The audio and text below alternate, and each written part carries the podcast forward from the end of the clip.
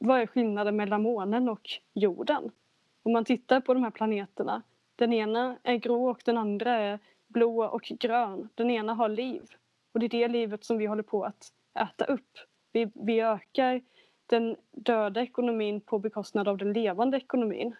För att biologisk mångfald handlar om att vi måste ge tillbaks till naturen. Ehm, det finns ingen affärsidé idag som gör att du, eh, du kan tjäna pengar på att ha en skog som bara då står.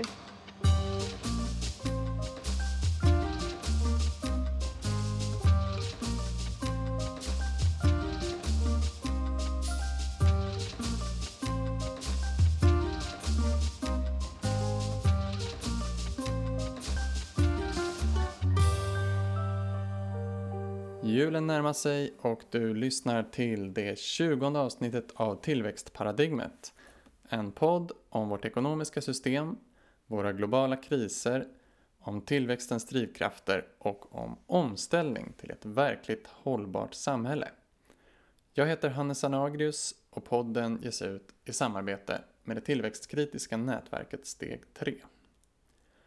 Denna gång har vi en politiker som gäst och min tanke är att framöver ha några partipolitiska tänkande personligheter från olika ideologiska hemvister. Och idag är det Rebecca Lemoine som kandiderar till Miljöpartiets språkrörspost som avgörs nu i sista januari. Hon är också riksdagsledamot för Miljöpartiet och är partiets talesperson för frågor om biologisk mångfald. Det var också hennes väg in i politiken. Hon har en master i biologi, ekologi och naturvård och har jobbat som ekologkonsult förut. Hon har länge varit engagerad i miljörörelsen och uppmärksammade den biologiska mångfaldens dag 22 maj genom att turnera runt och föreläsa om hur viktig biologisk mångfald är och det gjorde att hon faktiskt vann priset Årets miljöhjälte av Världsnaturfonden. Och för sitt engagemang i miljörörelsen var det många som personröstade på Rebecca, vilket gjorde att hon kom in i riksdagen. Där har hon jobbat mycket för att lyfta biologisk mångfald, artdöden och skogsfrågor. Men också lagt andra motioner om reformer som vi tagit upp i podden som till exempel basinkomst, kortad arbetstid, ecocide med mera. Och en reform hon motionerat om tänkte jag vi skulle gå in på specifikt idag som hon kallar bonus malus för markanvändning. Alltså ekonomiska incitament för att ta hand om ekosystem. Innan samtalet med Rebecka tänkte jag ta upp en nyhet som är väldigt relevant för det vi ska prata om. En ny studie nämligen i tidskriften Nature har räknat ut att den totala massan av allt den mänskliga ekonomin skapat, alltså allt från vägar och bilar till byggnader, soptippar med mera, är nu troligen precis lika eller större än all världens biomassa, alltså allt levande och organiskt som naturen skapat. Det här är en otrolig och tragisk milstolpe skulle jag säga och förhoppningsvis kommer det bli en vändpunkt.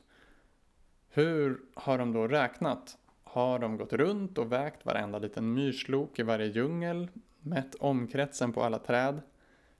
Ja, det är såklart uppskattningar.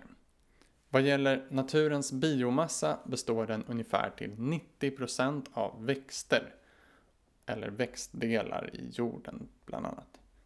Inklusive all, alla världens åkrar och planterade växter.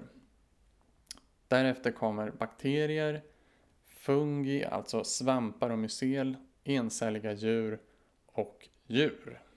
Inklusive då människor och våra boskap och tamdjur som ju är den absoluta majoriteten av massan vad gäller landlevande däggdjur. Och all den här biomassan beräknas ha halverats på planeten sedan jordbrukets ankomst för ungefär 12 000 år sedan. Så biomassan för den ökade jordbruksmarken är alltså inte i närheten av biomassan som försvunnit från avskogning till exempel. Och trots all uppfödning av boskap i gigantisk skala så har det inte kompenserats för utrotandet av vilda djur och utfiskning av hav och sjöar. För den människoskapade massan då, som de i studien kallar anthropogenic mass, eller teknomassa om man så vill, består detta till allra största del av betong, ballast, alltså grus och annat dött fyllnadsmaterial, tegel och asfalt, vilket är huvudmaterialen i moderna byggnader, vägar, infrastruktur och så vidare. Sen kommer metaller och byggnads, andra byggnadsmaterial som plast, trä, glas och annat. Så all denna massa är det som byggs allt från vägar, byggnader, städer, hamnar, fartyg, andra fordon och alla produkter vi använder. Den här teknomassan beräknas 2020 till 1,1 teraton. Alltså 1100 miljarder ton. Bara all plast i världen beräknas väga mer nu än alla landlevande och havslevande djur. Det är jävligt mycket plast. Och det gjorde mig lite deppigare faktiskt. De kommer fram till att denna teknomassa har den senaste tiden fördubblats var tjugonde år. Vilket betyder att vår världsekonomi har producerat lika mycket ny teknomassa sedan millenniumskiftet som allt som produceras tidigare i världshistorien. Så sedan Markoolios millennium 2 har alltså vår tillväxtekonomi producerat mer byggnader, vägar, prylar än människan gjort i all tidigare tid. Inte för att vi kan skylla det på Markoolio, men så är det. Så det är alltså som Rebecka sa innan i det här introt. Tillväxten idag växer den döda ekonomin på bekostnad av den levande världen. Vi lever av naturkapitalet, inte av dess avkastning. Frågan är om det borde få kallas tillväxt när det som naturligt växer bara krymper, sugs ut och dör. Och det som det blir mer av är ju material som inte alls kan växa och som har väldigt, väldigt svårt att återföras till kretsloppet och bli någonting som är nyttigt för ekosystemen som naturen kan bryta ner och återskapa nya material av.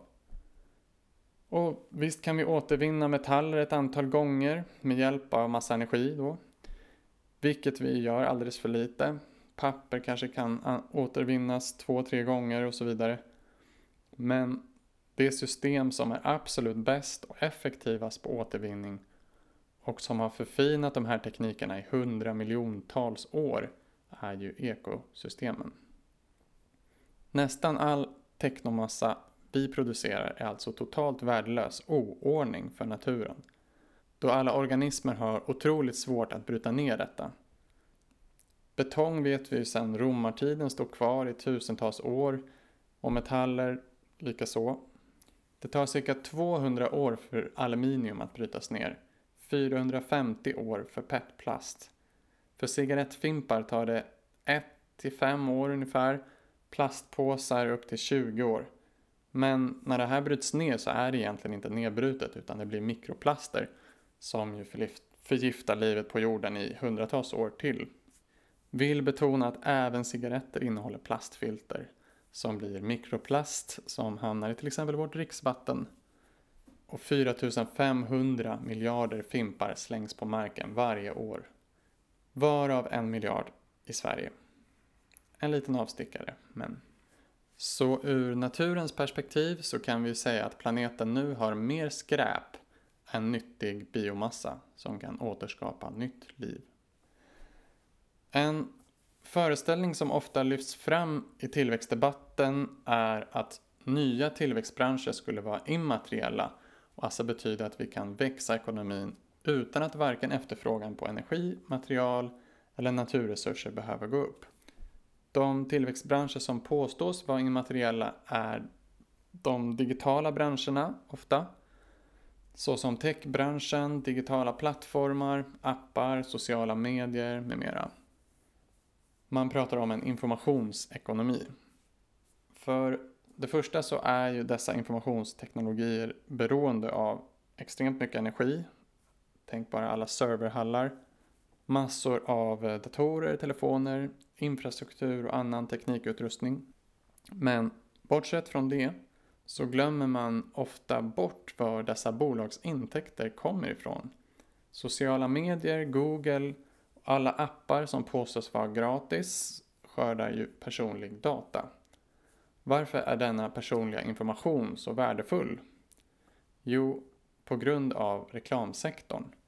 De kan sälja datan till företag för extremt riktad reklam. Inte bara riktad till vissa grupper av människor, utan du ska få reklamen också i rätt tidpunkt, rätt sammanhang och rätt förpackad. Och det här vore ju inte lönsamt om det inte faktiskt gör att mottagarna av reklamen ökade sin konsumtion.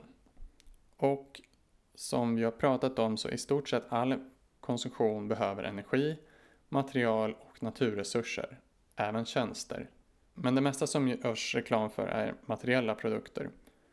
Och de flesta tjänster som säljs riktar sig till företag som i sin tur gör materiella produkter eller är beroende av materiella produkter. Vi har tidigare pratat om rekyleffekten, att när en fabrik gör en energieffektivisering eller en materialeffektivisering så gör man inte lika många produkter för mindre energi och mindre materialmängd utan oftast fler produkter för samma eller mer energi och materialmängd. Oftast ökar energi och resursförbrukningen för att företaget får mer pengar över att investera i till exempel en till fabrik. Så bidraget till BNP är alltså inte att saker blir effektivare. Bidraget är att det hjälper till att expandera produktionen och konsumtionen. Med Facebook, Google och sociala medier är det samma sak. Deras bidrag till BNP är inte att folk kan dela bilder och skapa diskussionsgrupper med mera. Det skapar inget ekonomiskt värde i sig. Bidraget till BNP är att sociala medier hjälper till att expandera produktionen och konsumtionen genom att få folk att köpa saker som de annars inte skulle trott sig behöva. Okej, okay. det var det om vår bokstavligen expanderande ekonomi. Nu tycker jag vi lyssnar på samtalet med Rebecka. Här kommer det. Välkommen till eh, Tillväxtparadigmet Rebecka.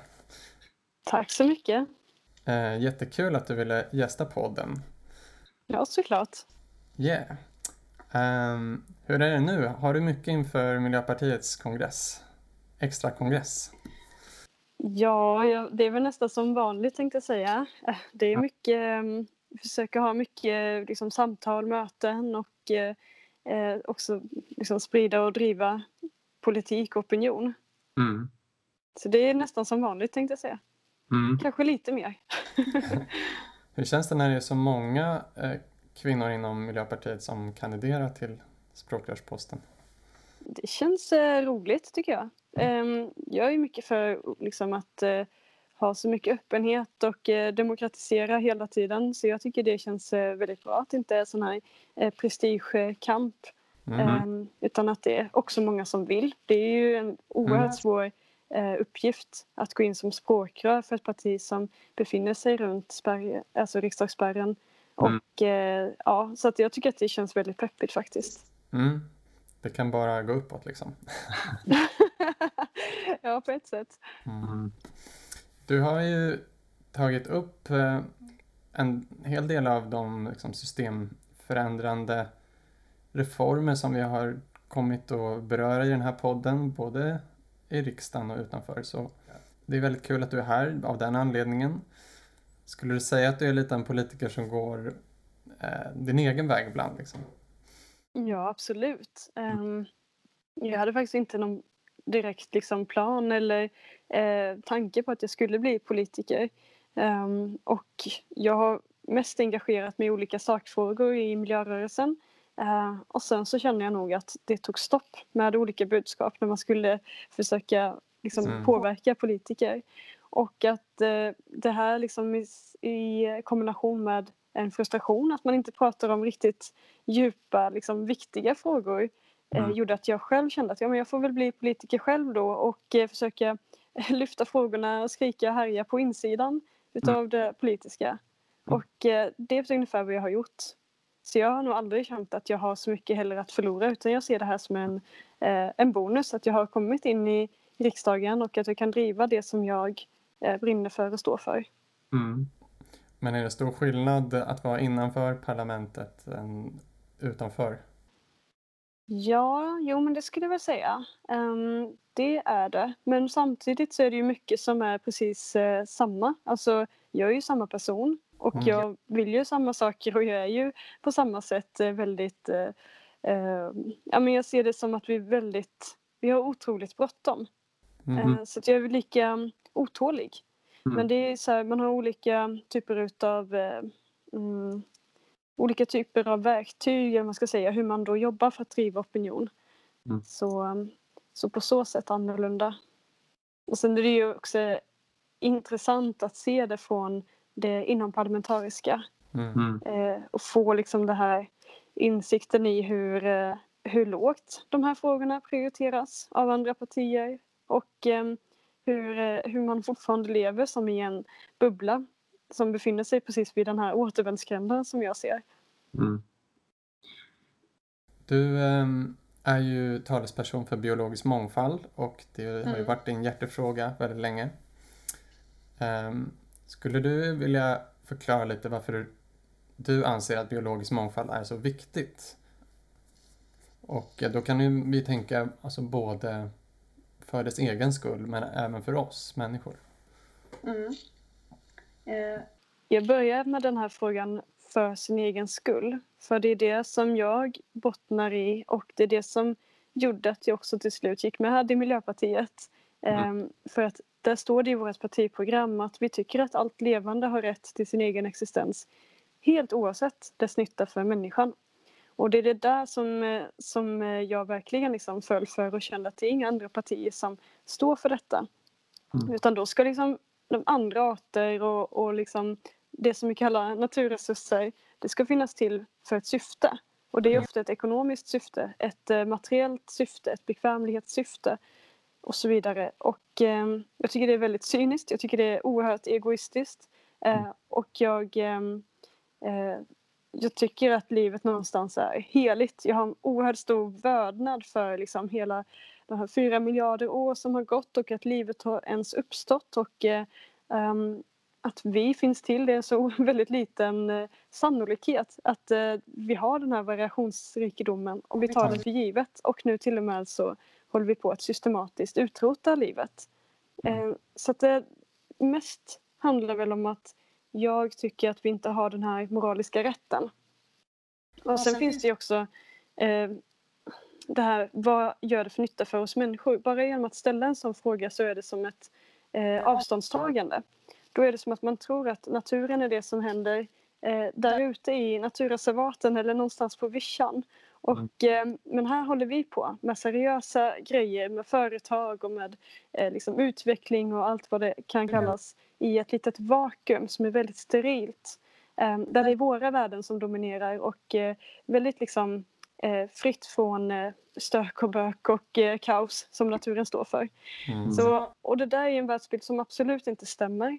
Och vi behöver påminna oss om det. Och där kanske det kan vara ett sätt att påminna människor om det genom att just prata om ekosystemtjänster. För att försöka komma tillbaks, det blir kanske en brygga tillbaks till verkligheten att våra kroppar är organiska. Vi är också en art. Vi, allt vi äter, allt vi dricker är någonstans natur. Och det kommer från den här näringsväven, är en, en del av livsväven. Så det finns absolut ingen liksom, vetenskap som stödjer vår nuvarande världsbild, skulle jag säga. Men via Världsbilden att vi är frånskilda? Förlåt, vä- världsbilden att vi är frånskilda från naturen menar du? Ja, Mm. precis. Och eh, det som kanske också gör att vi lever i antropocen. Så att eh, det där finns det egentligen inget vetenskapligt stöd för. Men vi har distanserat oss från naturen. Ehm, och vi ser oss själva som de mest värdefulla varelserna som finns eh, skapade av Gud. Mm. och, eh, och sen kan vi då behandla andra levande ting så som det passar oss bäst. Och eh, moraliskt så skriver jag inte under på det. Men eh, varför det är viktigt, om vi nu ska ta oss lite tid att påminna oss så är det ju just att allt vi äter och vår medicin och våra tekniska uppfinningar ursprungar från naturen.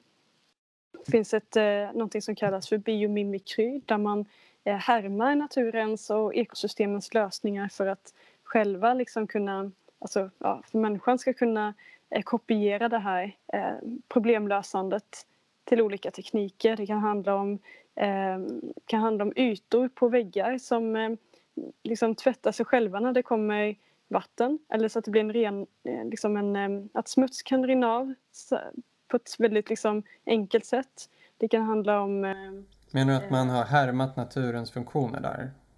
Ja, precis. Jag tror det är den här lotusen som man har härmat dess blad. Så varje mm. gång det regnar på bladen på den här blomman så blir det som att det, det renar sig. Alltså det, det blir som en tvätt. Så man, det blir mm. ingen smuts.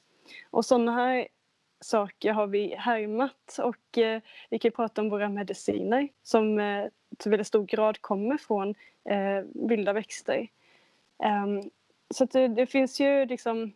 biologisk mångfald är också kunskapsbibliotek. Verkligen. Och för att inte tala då om hur vi själva mår i naturen. Det mm. finns jättemycket studier som visar hur vår puls går ner utav bara några minuter i en skogspromenad. Mm. Hur, hur vi får tillbaks kraft, hur vi kan hämta inspiration och hur vi verkligen mår bättre. Eh, mm. barn som får tillbaks koncentrationsförmåga eh, genom att vara i naturen. Um, så det där är också sådana värden som vi har svårt att uh, värdesätta. Mm. Nej, men det är bra beskrivet av det tycker jag med det här med att naturen är som ett kunskapsbibliotek. Jag tror att nästan alla eh, innovationer och, och, idéer på något sätt härstammar från naturen. Att vi är liksom inspirerade av olika saker som vi ser runt omkring oss. Verkligen. Jag tänker på Eh, bara att det är sant som du säger att, att, att eh, och det har vi pratat om lite tidigare i podden om, det här, om, om naturens rättigheter, att vi är ju inte frånskilda från naturen utan ihopkopplade. Samtidigt kanske många har svårt att liksom engagera sig och bry sig om den här frågan med biologisk mångfald för att man, ja kanske just av den anledningen att man tänker sig att varför, varför är det så viktigt för mig eh, att bry mig om några arter i någon skog där inte, som inte jag kommer se? Eh, och att, har du något svar på det? Ja, jag, jag tror att det, det här med biologisk mångfald kanske får människor att känna att det handlar om någonting långt, långt borta eh, som inte berör en själv. Men å andra sidan så är det ju faktiskt få saker som väcker så stort engagemang som när människor märker att deras, alltså situationstecken, men den skogen som de kanske plockar svamp i eller som de vistas i håller på att eh, avverkas, alltså tillintetgöras. Det handlar ju någonstans om platser som vi delar med naturen. Eh, platser som kan innehålla massor med minnen eh, och upplevelser och tankar och, och rekreation som jag nämnde förut. Att de här platserna eh, ja, till intet tillintetgörs, alltså eh, görs om till eh, plantager och allting som en gång var och som man kunde relatera till. Där man kunde nästan liksom lyssna in, ja, lyssna in liksom naturen på sina egna sätt. Det inte finns längre. Det gör ju folk oerhört arga, ledsna. Man känner sig maktlös. Eh, det känns sorgligt.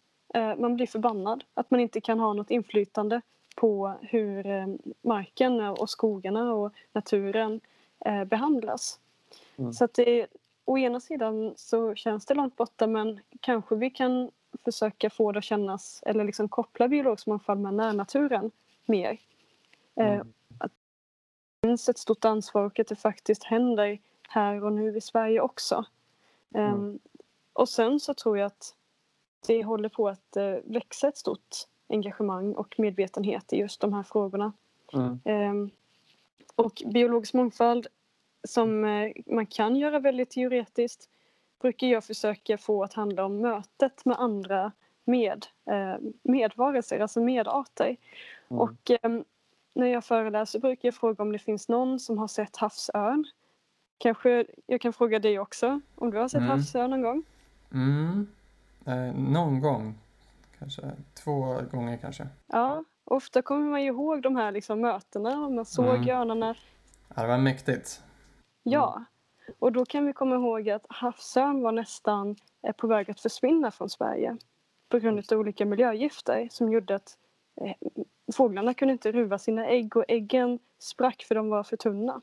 Mm. Och hade det inte varit för att eh, olika ideella eh, organisationer och eh, att man hade en, en politisk också vilja att få bort de här gifterna då hade vi kanske inte ens haft havsörn och du och jag hade kanske inte sett dem.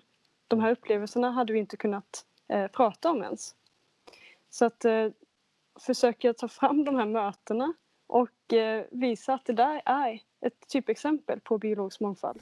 Ja, men jag håller med om att det, det är underskattat de liksom, eh, direkta upplevelserna och kulturella värdena av det. In, förutom existensen i sig själv så är det ju mycket en stor del av ens egen livskvalitet, liksom, att man har tillgång till naturen. Jag tänker också att det kanske inte heller riktigt har gått in. Det är ju en liksom eftersläpning mycket. Till exempel med klimatfrågan så har ju forskningen och miljörörelsen eh, legat på väldigt länge. Försöka uppmärksamma om de här farliga katastroferna som kan ske och nu på något sätt har det börjat gå in. Men det är ändå någon slags eftersläpning på kanske tio år så att många tänker sig att för, för tio år sedan, kan, då kanske det hade räckt med en successiv teknikomställning och så ställa om lite långsamt. Eh, Medan vi är i ett helt annat akut läge nu. På samma sätt så börjar vi kanske få upp ögonen lite för artdöden nu. Eh, Men det är som en slags eftersläpning där. Mm. Och förutom de här kulturella värdena som du nämner så tänker jag att, ja, att hela vårt matsystem till exempel är ju att vi ska kunna äta mat och få det. Det härstammar ju från biologisk mångfald, att det finns pollinerande insekter och så vidare. Mm. Ja, precis. Ehm, Det är på ungefär en tredjedel av den globala livsmedelsproduktionen som är helt beroende av pollinatörer. Så att om man låter det där sjunka in så inser man att det här inte är en eh, eh, vad ska man säga, det här är ingen eh, bi, bifråga tänkte jag säga, vad roligt. Det här är liksom en, eh, Nej. en fråga för oss alla. Det finns ingen som inte berörs av biologisk mångfald. Verkligen. Ja, nej, men man, man, många tänker sig också nog, och det stämmer ju, att klimatförändringar är drivande i artutrotningen. Men det förhåller sig väl också lite på å- andra hållet, att eh, fungerande ekosystem och skogar reglerar också klimatet och regnflöden, vattenflöden och så. Så att det är mycket man, mycket som vi rubbar som man kanske tänker sig är en effekt av klimatförändringen men som lika mycket är en effekt av att vi förstör ekosystemen. Liksom. Mm. Och där kommer vi in på resiliens. Som, Mm. Som um, variationsrikedom ger alltid resiliens, alltså motståndskraft. Och det vet vi från massa olika system. Det är både sociala system där vi också eh, gynnas av mångfald. Ekonomiska system. Vi vet att Mm. ska man nu, finns det liksom tips på hur man ska eh, investera i aktier så är det ju att man inte ska lägga allt, alla pengar på en och samma utan man ska sprida ut Nej. riskerna. Och eh, självklart är det ju så här med naturen också. Att eh, har vi liksom bara plantager med ett och samma, en och samma art, kanske till och med eh, genmodifierade så att de är genetiska kopior. Mm. Om det händer någonting, om det nu blir översvämning eller klimat, alltså till följd av klimatförändring, om det blir torka eller om det blir bränder, om det är så att en viss insektstyp, eh, en viss insektsart eh, kan eh, liksom bre ut sig, vad händer då? Då är det ju en jättestor risk med Mm. att vi har en enda genetisk kopia över ett väldigt stort område. Mm. Om den inte kan motstå detta så är det ju kört. Mm. Ja, men till exempel den här stormen Gudrun, när den ryckte in över Sverige så var det ju väldigt förödande eh, på alla de stora trädplantagen som, som kallas skog, men som mycket trädplantage, att eh, det blev en mycket kraftfullare effekt att eh, den fällde så många fler träd för att alla var i samma storlek och samma sort och så. Mm, precis. Och det finns ju massor sådana exempel också på eh, ja, granbarkborren till exempel. Och Mm. olika svampangrepp och bränderna. Vi vet att lövskog och blandskog kan hindra, eh, eller ja, sakta ner eh, brandspridningen mycket bättre än om det bara är eh, gran. Just det. Så biologisk mångfald är också ett skydd mot klimatförändringar. Ja, precis. Mm. Så är det verkligen. Och eh, vill vi kunna, alltså klimatförändringar, klimatkrisen är ett faktum. Så det bästa vi kan göra är att verkligen satsa på resiliens. Och eh, jag brukar referera till ett diagram som visar hur biokapaciteten, alltså vad jorden kan förse liksom, vad, Mm. vad jorden kan producera och förse oss med. Det är också väldigt antropocentriskt detta men ni förstår. Ehm, så har ju den minskat över tid. Så Mm. ekosystemen har ut, ut eh, har, ju, har ju vi liksom haft så hårt tryck på så att de har ju blivit mer och mer sårbara. Variation och biologisk mångfald har bytts ut till ehm, en, ja, Mm. liksom en enstaka arter, monokulturer. Och samtidigt så har våran, eh, vårat tryck på planeten ökat. Mm. Vår konsumtion har ju ökat. Så att trycket är många gånger för högt och biokapaciteten håller på att eh, minska. Så det är Mm. det här som gör att vi har en eh, helt ohållbar situation där vi i Sverige lever som att vi hade fyra planeter och det Mm. här som, eh, som kallas för Earth Overshoot Day ligger tidigare och tidigare. Mm. Så att vad som vi måste göra är att öka biokapaciteten, ge mer tillbaks och gå ifrån monokulturer och de här systemen till någonting som ger liksom, livgivande system och samtidigt då minska konsumtionen, alltså minska trycket. Mm.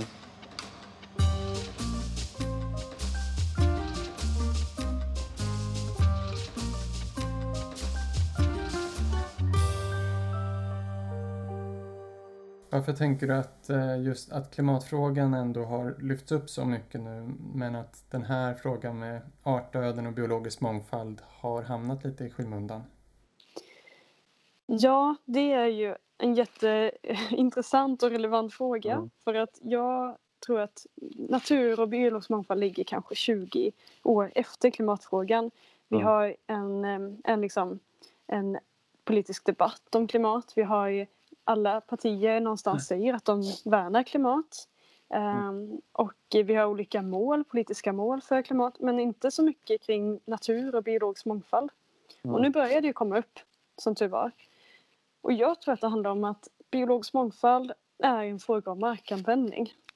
Det är, Mm. liksom, det är så konkret att det finns en gräns för det. Vi kan liksom räkna ut hur många hektar eh, som finns utav landyta i Sverige. Liksom. Hur mycket kan vi ha skog på? Hur mycket kan vi Mm. ha åkermark och så vidare. Så det här är väldigt tydligt att jordens resurser Har det gjorts är... sådana uträkningar? Ja, ja eller uträkningar. Mm, vi vet ju att cirka 70 procent av Sveriges yta består av eh, skog då. Alltså både Du gjorde planterad skog och så. situationstecken nu. Ja, precis. Det syns ju inte men, men eh, träd. Mm.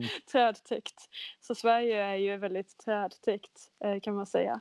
Och, Men det är eh, planterad skog helt enkelt. Ja, mycket som är planterat. Det är mer än 60 procent av det här som kallas för skog som är yngre än 60 år. Så att det är ju Mm. människoskapade skogar efter väldigt, eh, väl, ja, enligt väldigt snävt tänk då att det ska vara en sak som maximeras på faktiskt Mm. bekostnad av andra eh, värden. Men så att biologisk mångfald är ju det rimmar ju inte med tanken om att vi ska ha en evig ekonomisk tillväxt. Om man säger att vi ska ha en ökad ekonomisk tillväxt på några procent, två procent eller någonting varje år. Mm. Eh, då måste ju jorden i så fall öka procent varje år. Men det gör den ju inte för jorden är ju konstant. Mm. Och Sverige blir inte större för varje år och inte Kina heller. Det hade, det hade passat vårt ekonomiska system om jorden var lite som en ballong som blå, blåste upp hela tiden. Precis, exakt. Men det vet, ju, det vet vi att det inte är. Så Mm. därför så, till skillnad till klimatfrågan, klimatfrågan är mycket mer kopplad till energipolitik. Mm. Energi, det finns ju olika sätt att, eh, att eh, ja, tillverka eller Ja. omvandla energi. Och eh, där finns det också ekonomiska intressen Mm. för de som vill kunna sälja då en eh, ja, klimatvänliga energier som ja, det kan vara sol, det kan vara vind och det kan vara bioenergi också. ehm, som eh, då blir liksom en klimatstämpel på att det här är klimathjältarna. Eh, och det finns också företag som samtidigt som de kan effektivisera så kan de visa på att det är mer klimatvänligt. Mm. Så det här är mycket lättare att eh, sälja in lösningar. Och Ja. går det att sälja in då finns det ett ekonomiskt intresse att också driva det eh, och eh, profilera sig som eh, klimathjältarna. Eh, men Ja. det här finns inte på biologisk mångfald. Nej. För att biologisk mångfald handlar om att vi måste ge tillbaks till naturen. Väldigt mycket handlar om det. Såklart handlar det också om hållbart brukande och kanske regenerativt skog och jordbruk. Men det finns ingen affärsidé idag som gör att du, eh, du kan tjäna pengar på att ha en skog som bara då står. Fast, men vi kommer in på det snart, Mm, tänkte jag. Hur det skulle kunna inkorporeras i ekonomin. Men jag håller med dig om att i liksom, om man tänker sig teoretiskt så är det ju lättare att tänka sig att man bara byter ut all fossil energi mot till exempel sol och vindenergi. Eh, även om det i, teori, liksom, i praktiken är väldigt svårt, eh, skulle jag säga. Eh, det, det sker ju snabbt, eh, ja, men det är väldigt mycket energi som ska bytas ut. Men det är lättare att tänka sig åtminstone eftersom solenergi flödar ju konstant. Det finns ju så otroligt mycket solenergi. Men som du säger så arealer och mark och faktiskt natur, den är ju mycket mer begränsad. Du har ju, ehm, du har ju turnerat runt eh, även inom politiken för biologisk mångfald. Eh, för biologisk mångfaldens dag. Mm. Var det genom WWF? Världsnaturfonden? Eller det, var lite, det var ett lite eget initiativ kanske? Det var nog ett, det var ett eget initiativ som jag tog i ren frustration över att Mm. det här var en dag som ingen visste fanns i Mm. princip. Eh, Så det gjorde jag mest på min fritid och helger. Har du något, eh, något tips till eh, folk som bara vill gynna den biologiska mångfalden på något sätt? Ja, men absolut. Det handlar som sagt mycket om, eh, om markanvändning. Så att äger man någon typ av mark, alltså det kan vara, har man en trädgård så kan man kanske försöka gynna pollinatörer som vi har varit inne på. Gynna små, alltså smålivet fåglar och eh, inte städa för, för mycket. Och eh, man Just det. kanske Inte kan rafsa lägga... bort alla pinnar och löv och gräs. Nej, nej precis. För det är det här eh, lite kaosiga, bökiga och stökiga som eh, Mm. många arter är helt beroende av. Eh, igelkottar, eh, fåglar, ekorrar ehm, och eh, ja, you name it. Och det finns, eh, finns det möjlighet så kanske man också kan anlägga en äng. Eh, då behöver man försöka göra det liksom mer eh, näringsfattigt och man eh, kan så in naturliga ja, blomster, ängs, ängsblommor. Mm. Eh, och eh, att ha eh, vatten, fågelbad och eh, även göra lite, vad ska man säga, lite stenar och så som gör att även pollinatörer och insekter kan dricka där. Sådana Mm. saker gör ju skillnad om vi är många som kan göra det. Så att Mm. tillsammans kan man försöka eh, också förändra normen för hur en trädgård ska se ut från att vara så här städad och kortklippt till att vara lite vildare.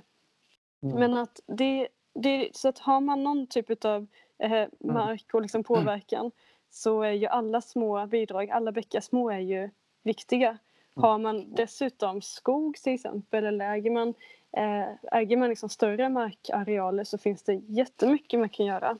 Mm. Eh, där finns det ju eh, hyggesfritt skogsbruk om man nu ska Mm. bruka skog. Så skulle man kunna ställa om från kalhyggesbruket där man i princip tar en hel skog och hugger ner på en gång till att istället då plockhugga ut de träd som, eh, som man behöver. Och då kan skogen vara kvar. Det vill säga man stör liksom inte hela skogens ekosystem utan samarbetet mellan svamp och växter, mykorrhizan, det får vara kvar. Och eh, vattnet. Eh, mykorrhizan är de här alla svamptrådarna som eh, Exakt. Alltså hur rötter och svampar samarbetar, eller hur? Precis. Och det är jätte, jätteviktigt eh, för, ja, för en hel skog, för hela ekosystemet och för kolbindningen också. Så det här är det, är det som är väldigt förödande med det. En av de saker som är väldigt förödande med det storskaliga trakthyggesbruket är att man totalt förstör de här eh, samarbetet, symbiosen mellan svamplivet och växtlivet. Så att eh, genom att ha kvar det och eh, mer hänsynsfullt ta ut då enstaka träd så, så gynnar man också, eller man förstör inte för de här eh, ovanliga arterna som finns. Och varför är det den här svamptrådarna, mykorrhizan, eh, så viktig? Ja, det är ett samarbete som eh, kanske tar runt 70 år att etablera efter om, mm. om man då eh, har avverkat och kalavverkat och gjort en markberedning. Och eh, en del sådana här eh, samarbeten har aldrig blivit störda. Alltså, mm. som har kanske funnits där sedan eh, istiden. Liksom. Det har ju tagit 10 000 år då för de här att hitta varandra och eh, att då liksom totalt eliminera och rycka bort det här samarbetet. Eh, vi har ingen aning om vad vi håller på med. Vi har faktiskt inte så bra koll på vilka svampar vi har och eh, hur de reagerar på vårt sätt att bruka skogen. Och eh, självklart så är det många som inte klarar av en kalavverkning. Man kan också beskriva svampar lite som eh, gruvarbetarna i ekosystemet. Att de, liksom, de tar upp mycket mineraler och eh, näringsämnen som träd och växter behöver. Och mm. Eh, kan även hjälpa dem att fördela näringen, som jag förstått det, eh, mellan träden. Så det är lite som ett samhälle som fördelar det rättvist och kan skicka varningssignaler och så vidare. Mm. Ja, det är väldigt spännande.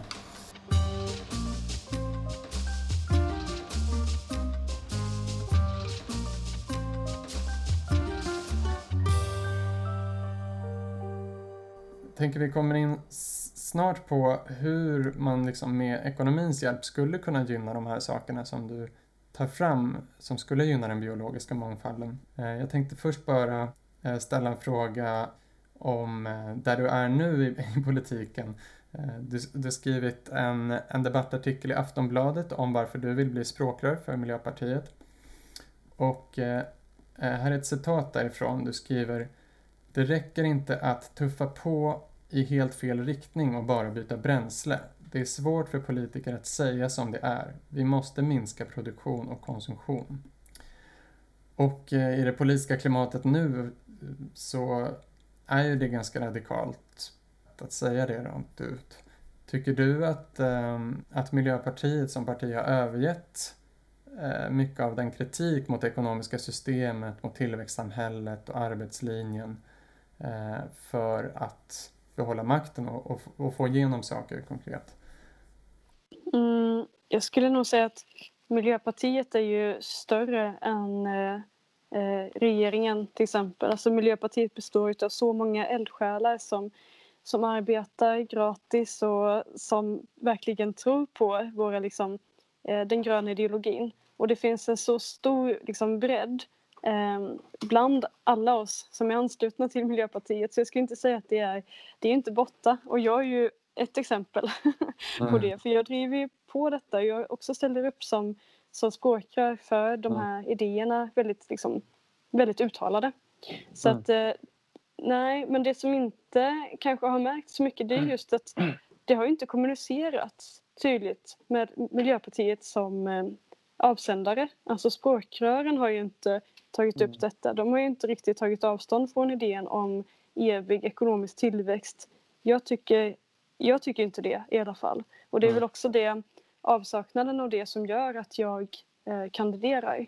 För att jag, jag önskar att eh, vi mm. hade varit tydligare. Mm.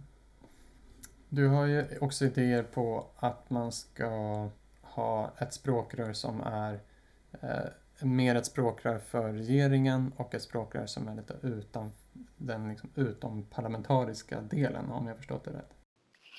Ja, i alla fall minst ett språkrör utanför regeringen, mm. tänker jag. Eh, nu har vi två språk, språkrör som också är ministrar. Och eh, är man minister i en, eh, en regering med majoritet socialdemokrater det är klart att kommunikationen måste stämmas av och godkännas också. Eh, så att det blir ju lite grann en eh, kompromisskommunikation som, ut, som går ut från våra ministrar och samtidigt språkrör. Medan jag tänker att språkrörens roll är att verkligen kommunicera hela eh, den gröna ideologin och hela partiet snarare bara regerings, eh, ja, regeringssidan då. Mm. Så att, eh, men nu när vi ska välja ett nytt språkrör som är kvinnligt språkrör då menar jag att då skulle vi kunna ha chansen att åtminstone ha ett språkrör utanför regeringen som kan också vi ja, kraftsamla i partiet för vi ligger som sagt ganska pyrt till, eh, runt 4 procent. Och eh, därför så skulle vi behöva väldigt mycket tid att ha hög närvaro ute i landet, att kraftsamla och peppa och eh, mm. eh, driva opinion också som en viktig del utav politiken. Och eh, för att kunna ha tid med det, vi, vi är alla människor som bara har begränsad, eh, begränsad många timmar per dygn så tror mm. jag inte att man kan vara både minister och språkrör för att kunna liksom hinna med det. Just det. Du skrev också i artikeln, vi kan inte bara kommunicera kompromisserna. Mm. Och antar då att du tänker på att man också behöver kommunicera det visionära. Liksom. Precis. En invändning skulle vara att, att partiet känns lite splittrat. Man vet inte exakt, står ni för det här ni genomför eller inte? Många kanske skulle säga att det är positivt att kommunicera just det man har lyckats få igenom. Mm. Så att det är liksom det viktigare snarare än vad, vilket samhälle man helst av allt skulle vilja se. Mm, det, det håller jag ju absolut inte med om. För att det är ju det viktigaste i politiken anser jag vara eh, vad man vill. Mm. Om man fick igenom sina idéer. Det är ju ändå idéerna som är det liksom, mest betydelsefulla för ett parti.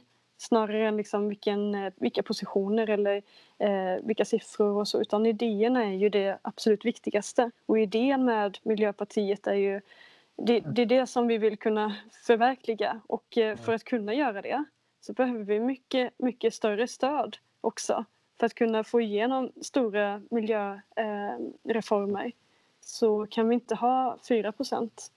Mm. och, och jag tror också att jag är inte ensam om att sakna det här mer visionära i svensk politik.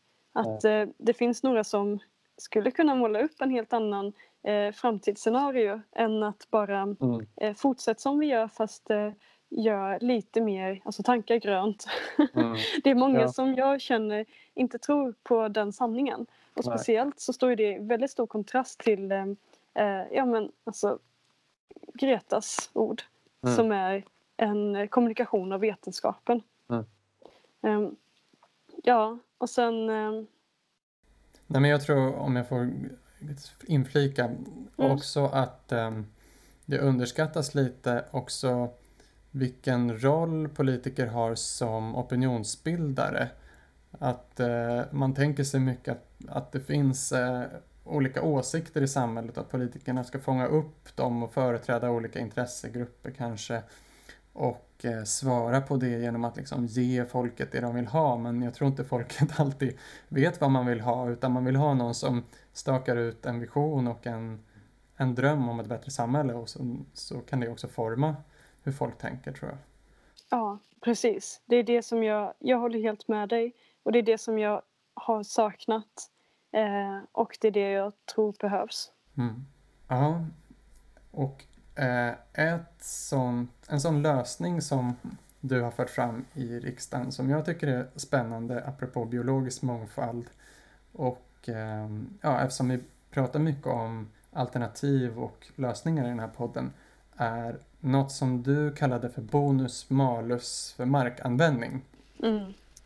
Eh, I och med, som vi har pratat om, den ekonomiska logiken nu är ju mycket att stordrift och kostnadsminimering är det som gäller eh, när det gäller jordbruk, skogsbruk, djurhållning och eh, även fiskeri, hur man sköter sjöar och hav. Att man driver allting mot monokulturer och man, ja, man breder ut sig på bekostnad av vild natur eh, och mångfald helt enkelt. Men Mm. eh, ett sånt här eh, bonus-malus system för markanvändning, vill du berätta hur, vad det är och hur det skulle kunna gå till? Och vad det skulle kunna leda till? Mm.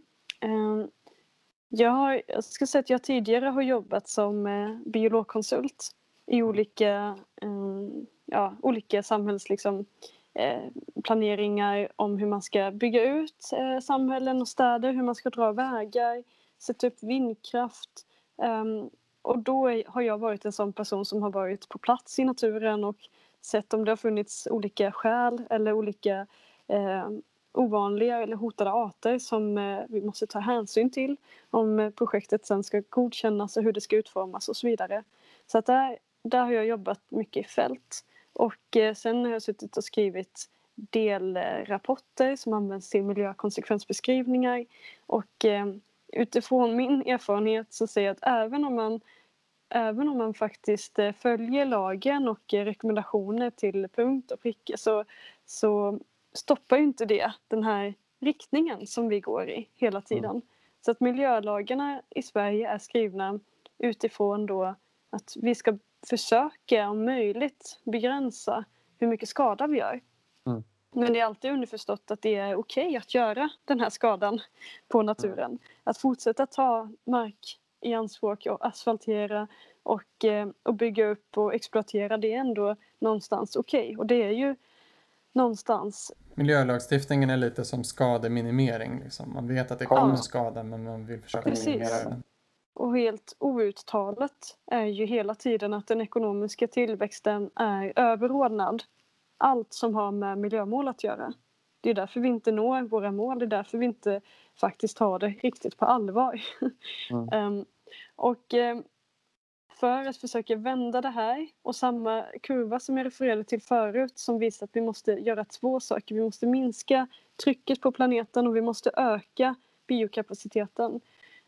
Om det här ska få någon, eh, om det här på något sätt ska vara logiskt så tänker jag då att det borde finnas en lönsamhet. Det borde finnas ett ekonomiskt incitament att göra naturen mer eh, vild igen, att ge mer tillbaks. Det borde man kunna tjäna på.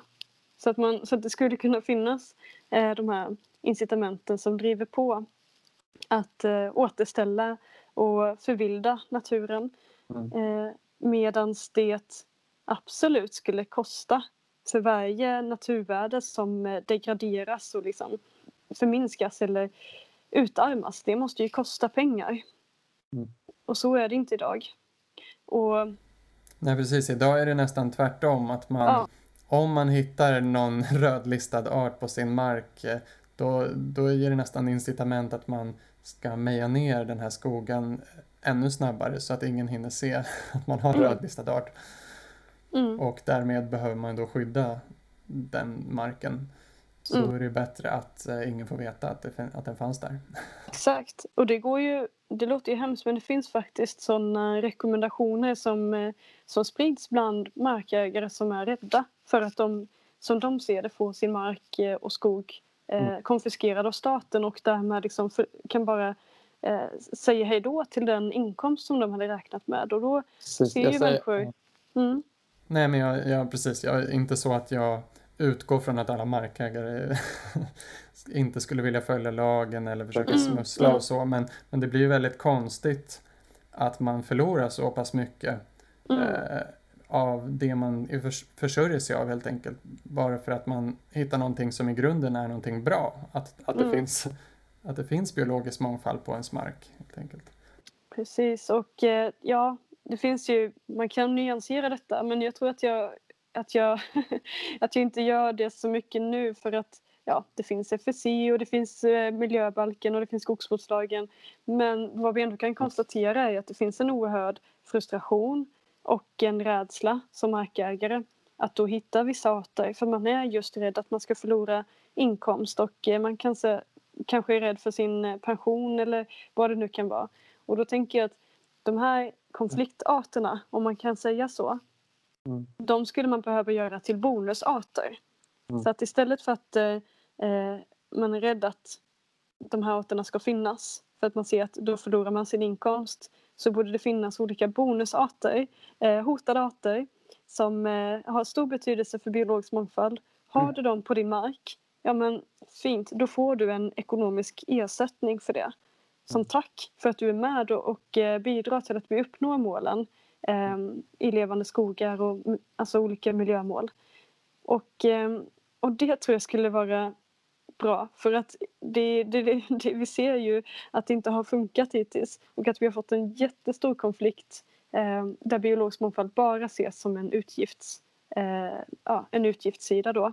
Så man måste ju försöka tänka in så att det inte drabbar enskilda individer eller bönder eller markägare på olika sätt negativt. För det ska inte Mm. vara de som behöver eh, betala för detta utan där tycker jag verkligen att staten ska vara tvärtom som, alltså vi politiker måste hitta ekonomiska incitament och, och som tack för att man är med och bidrar till att uppnå målen så, så finns det då eh, ja, en ekonomisk morot. Det vore ju fantastiskt om man kunde skapa en sån mentalitet att ma- markägare är liksom med på miljörörelsens sida mera. Att ja, nej, men det är klart att vi ska skydda eller öka den biologiska mångfalden för det tjänar ju även vi på. Mm. Eh, och eh, då är det tanken att det ska betalas av eh, det som förstör biologisk mångfald. Ska det vara ett slutet kretslopp eller? Ja, den värsta förstörelsen utav ekosystem måste ju förstås vara förbjuden. Eh, så, att, eh, så att inte liksom det ska finansiera någonting gott. Utan vi måste ju verkligen flytta fram positionerna och eh, acceptera mindre och mindre skada hela tiden. Mm. Eh, så, så på något sätt så måste det finnas en sån riktning inbyggt i systemet. Eh, för annars kan man ju komma undan med att ja, men Mm. det här var bra för att det här finansierar fina, eh, ja, fina restaureringsprogram någon annanstans. Just det, det blir som en kompensation då. Ja, precis. Eh, och det måste vi verkligen komma bort ifrån. Och det är därför jag också eh, liksom reagerar när vi använder ord som hållbarhet eller neutralitet och vi ska... Eh, ja, för det har, vi har passerat den gränsen för länge sedan. Vi kan inte bara vara klimatneutrala utan vi måste till exempel binda in mycket mer än vad vi släpper ut. Och precis på samma sätt är det vad gäller natur. Det, det räcker inte att bara skydda naturreservat utan nu måste vi börja återställa och ha en vision för hur ser landskapen ut i framtiden och som sagt hur hittar vi de här ekonomiska incitamenten för att få med de som faktiskt äger marken för annars är det bara visioner eh, som inte kan konkretiseras. Precis, för tanken är att man ska få ett bidrag eller Mm. ersättning även om man kan öka den biologiska mångfalden. Precis. Och det finns väl många sätt. Jag vet inte om du har några exempel? Ja, alltså till exempel så har vi, eh, vi har dikat ur väldigt mycket båtmarker. Vilket man Mm. gjorde förr för att, alltså förr var det ju logiskt för att vi behövde eh, kunna odla mer för att kunna undvika att svälta. Men eh, nu vet vi att det, det är inte någonting som vi riskerar att göra. Och eh, de här våtmarkerna som fanns förut är jätteviktiga för den biologiska mångfalden. Så att, att återställa och återskapa våtmarker till exempel. Att kunna skifta skogsbruket som jag varit inne på. Men visst kan man få någon typ av ersättning, någon EU-bidrag eller så för att återställa våtmarker? Så det Ja. finns lite av de här tankarna finns redan. Precis, de finns eh, mycket kopplat till EU som du nämner och mycket kopplat till jordbrukslandskapet.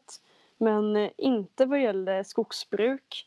Och eh, en del sådana här våtmarksprojekt eh, projekt, eh, finns ju liksom, ja, inte bara i jordbruket utan i skogsbruket inne i, eh, alltså ja, det är väldigt fyrkantigt. Mm. Så att även om det finns bra system som hör till jordbruket och som är kopplat till EU så tror jag att vi skulle tjäna på att förenkla och inte dra så eh, inte boxa in systemen så mycket eftersom att naturen är lite mer, eh, ja, det är svårt att gränsa av naturen Mm. på det sättet som vi har gjort egentligen. Utan om man skulle ha en generell eh, tanke om att man tjänar pengar, man kan få olika bidrag för att återställa, återskapa och stärka biologisk mångfald. Mm. Eh, så behöver det vara väldigt lätt. Och eh, man ska inte behöva vara liksom jättekunnig på olika liksom, eh, avgränsningar eh, som markägare. Utan vi behöver hitta lättare sätt att göra det. Mm. Ja, det här med skogsbruk. Jag såg att du hade skrivit en debattartikel om Sveriges skogsbruk och, kalhyggen. Att Vi, Mm. vi har mycket generösare, om man säger så, regleringar än andra länder i Europa.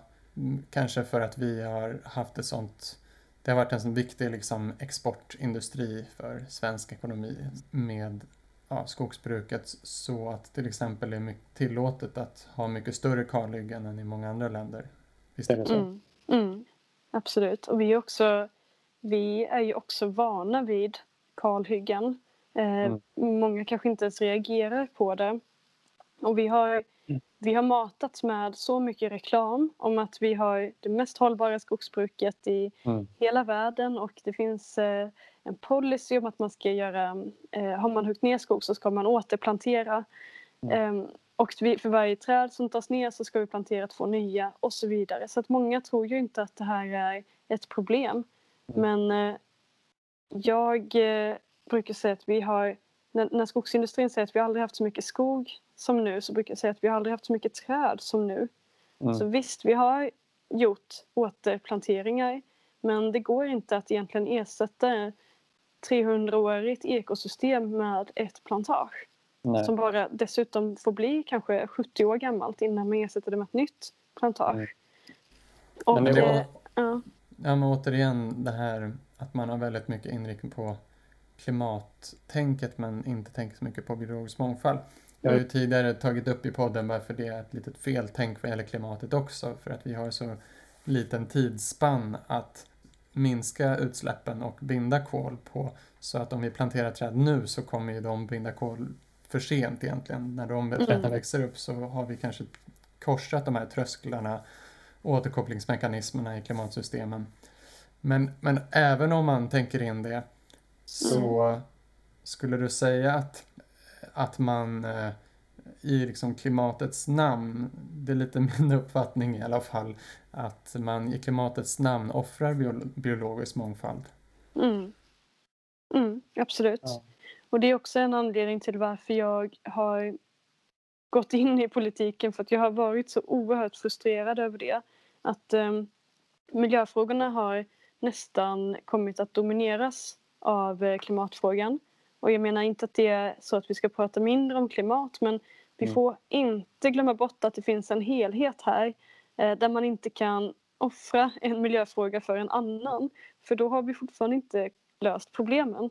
Och eh, jag är faktiskt lite rädd för de här olika snabba liksom, quick fix som eh, ska tackla klimatkrisen men som inte är annat än symptombehandling. Och eh, det handlar ju om biobränsle från skog som du varit inne på som jag också ställer mig väldigt kritisk till. Det handlar ju också om eh, olika, ja men egentligen alla energislag. Man pratar om att det förnyelsebara ska öka Mm. då tycker jag att det är bara legitimt om någonting annat ska minska. Alltså det finns inget egenvärde, tycker inte jag, att bara öka förnyelsebara, en, den förnyelsebara energin utan då måste ju det icke förnyelsebara minska åtminstone lika mycket. Mm. Så, att det, så annars blir det bara det här att man adderar. Och Mm. varje industri, varje företag har ju ett egenvärde att växa. Alltså de har ett särintresse, menar jag, att de har ett särintresse att växa. Och då kommer det bli så att man slåss för sin del. Och vad som händer och som har hänt är att totalen har ju bara ökat. Mm. Och eh, det är ju, finns egentligen inga, liksom, ingenting som är gratis utan Mm. det, ja. Så det blir Men, det, är eh, det här det- som... Mm, Det här med biobränsle från skogen är ju en stor del av den miljö, miljöpolitiken som förs nu av regeringen skulle man kunna säga med reduktionsplikten och eh, eh, man vill satsa på skogsbruket som en lösning säger man för att eh, ställa om bränslen och det är väl också en hjärtefråga för Centerpartiet som regeringen stödjer sig på. Är det liksom eh, läge att eh, är det en kommunikationsfråga för Miljöpartiet att vi borde prata mer om problemen och liksom vilken sorts biobränslen vi ska använda eller är det så pass viktig fråga att man borde lämna regeringen? Vad skulle du säga de svåra frågorna? Nej, men jag, eh, jag är ju öppet kritisk till eh, biobränsle från skog och eh, där skiljer väl jag mig lite grann från mitt, mitt parti då, Miljöpartiet. Och jag ja, jag, jag, har jobbat mycket med skogsfrågorna just och jag kan inte lita på att det ska finnas liksom hållbara eh, restprodukter eller som man kan göra till eh, biobränsle från mm. skogar. För jag vet att, och jag har sett att miljölagarna som finns och skogsvårdslagen som, eh, som täcker in då den här 70 procent av Sveriges yta mm. är helt otillräcklig. Så det, jag kan inte, mm. så länge inte miljöbalken åtminstone gäller i skogsbruket, för det gör den inte idag, då, mm. då tycker jag att det är helt eh, omöjligt att prata om hållbara biobränslen. Eh, och sen så importerar vi ju mycket som jag mm. inte heller kan liksom vara säker på att det mm. inte har utarmat biologiskt viktiga liksom, ekosystem någon annanstans. Mm. Så att, eh, och det är det här jag tror alltså att vi kan, det, det börjar liksom höras väldigt starka debatter om eh, till exempel vindkraftverk som man sätter upp någon annanstans som bara råkar vara i norra Sverige. Eh, vi har vattenkraftverken som också är en sån fråga. Vad, ja, vilka är det som eh, offrar sina älvar till exempel? Vi har den här efterfrågan på eh, mineraler som ska hjälpa oss in i den gröna omställningen. Och var görs de gruvorna? Eh, och, och samma sak med med skogen såklart som avverkas. Eh, mm. gigantiska kalhyggen som sagt väldigt mycket i norra Sverige. Så att det här tycker jag riskerar att bli en grön kolonialism om inte vi tar tag i grundproblemen. För att vi försöker hela tiden behandla symptom och det är där faktiskt biologisk mångfald blir en... Eh, ska vi kunna värna biologisk mångfald då måste vi se att det är en mm. markanvändningsfråga. Mark, marken eh, i Sverige och på planeten är begränsad. Och mm. eh, ekonomi betyder egentligen hushållning av begränsade resurser. Så mm. här någonstans kommer vi till kärnan utav det här. Och då mm. kan vi inte ha en evigt växande eh, och ökande ekonomi. Nej.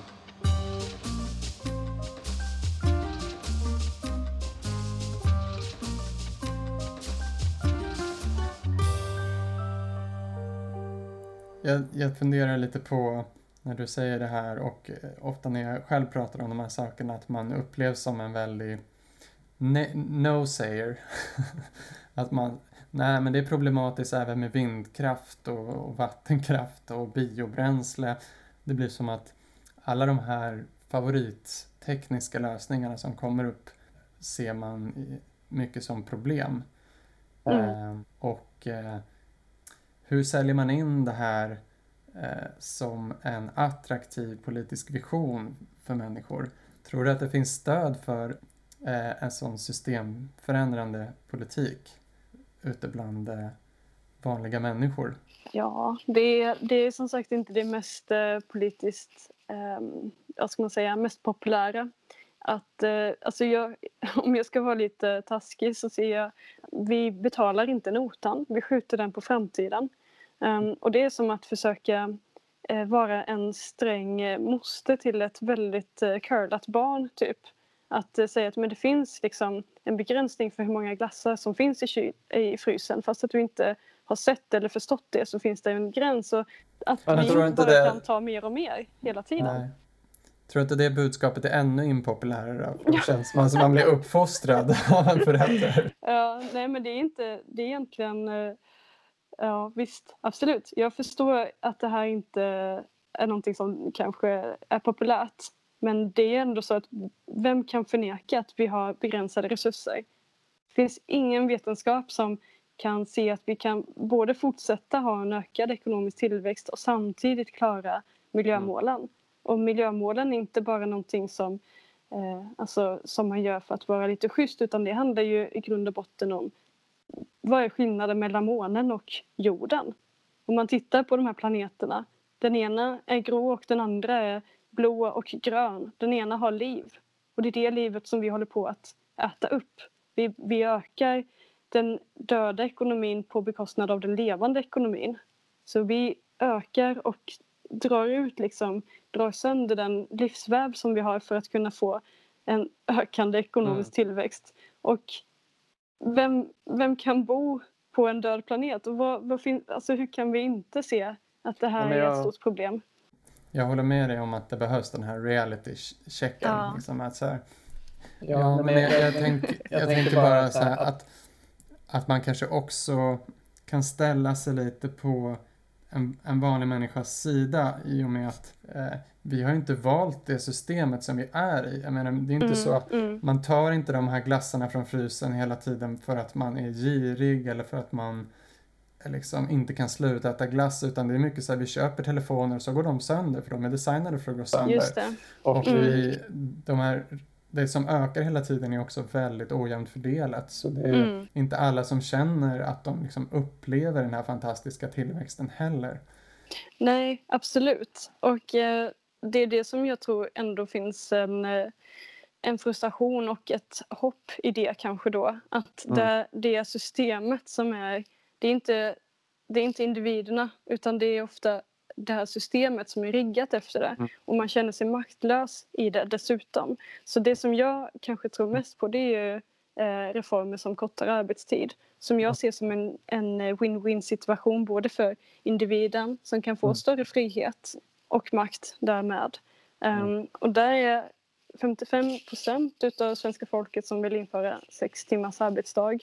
Mm. Um, 18 procent som inte vet och 27 bara 27 procent som är emot mm. enligt eh, siffror från juni 2020. Okej, okay, det var eh, nya siffror där. Mm.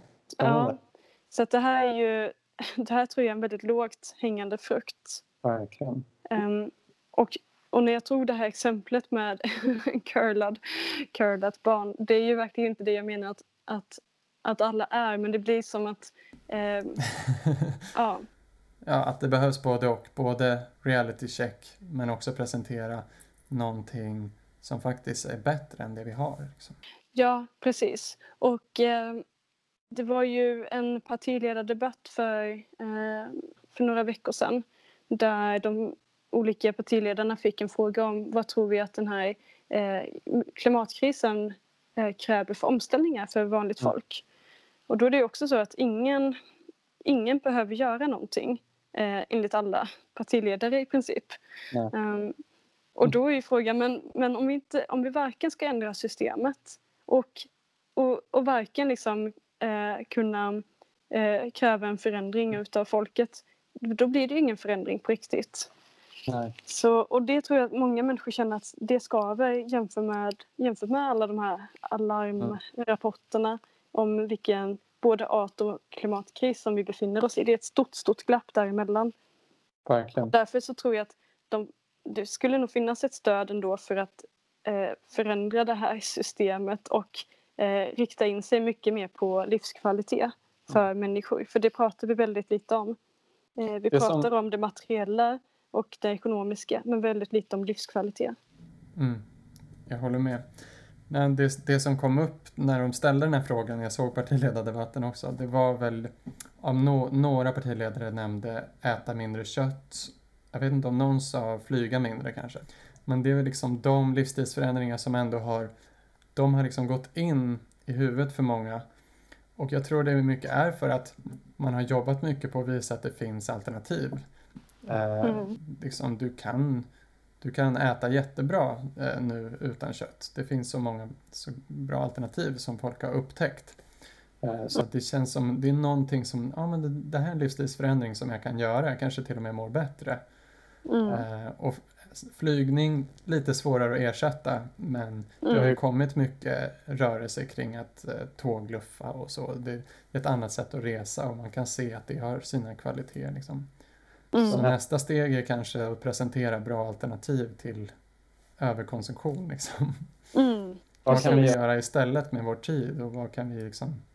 Mm. Och kanske då, um, jag tänker på coronapandemin, hur det också har gjort att många människor har sökt sig ut i naturen, hur, uh, mm. uh, hur överfullt det faktiskt har varit också i nationalparkerna. Men att kanske många känner att det där är någonting man vill fortsätta med, att vistas i naturen. Mm. För där finns det ju en typ, det är ju en typ utav liksom, eh, ja, alltså mm. upplevelse som eh, folk kanske ersatte liksom shoppingturer med att eh, åka ut i naturen och umgås med sina vänner och sin familj där. Som ett mm. annat sätt att umgås. Eh, jag tror att vi har ganska mycket sådana här normer eh, som är fokuserade kring eh, att vi ska vara liksom, vi ska shoppa och vi ska ge varandra eh, presenter och, eh, och, och, materiella ting hela tiden. Och att det här behöver vi kanske utveckla. För många önskar sig kanske faktiskt mer då upplevelser och, och tid av varandra än eh, materiella eh, ting. Men du vet, innan man drar ut i skogen så måste man ju köpa på sig alla frilufts friluftsprylar också. De senaste termosarna och skorna. är... Ja, kanske. Reklamen är ju väldigt duktig på att varifiera alla, alla, våra intressen som kanske inte är materiella från början. Liksom. Nej, mm. så är det ju. Och det är ju, ja, reklamen är ju ja, överallt och det satsats oerhört mycket på att vi ska känna oss otillräckliga. Mm. Verkligen. Ja, det var jätteintressant att uh, prata om det här. Uh, och kul att du ville vara med. Självklart. Och tack för ja. en bra podd. Ja, tack. Det var allt för denna gång. Inte spikat vad som kommer nästa avsnitt. Kanske blir det en annan partipolitisk person. Vi får se. Men håll utkik. Påminner dig som uppskattar podden att sprida vidare den, följa podden på Facebook och Instagram, kanske avaktivera riktad reklam om du inte vill bidra till BNP-ökningen förstås. Och eh, om du kan och vill bidra till att podden fortsätter och att jag kan utveckla till exempel en hemsida med en blogg, kanske videos, så får du gärna stödja tillväxtparadigmet på patreon.com. Tack och god jul och så vidare.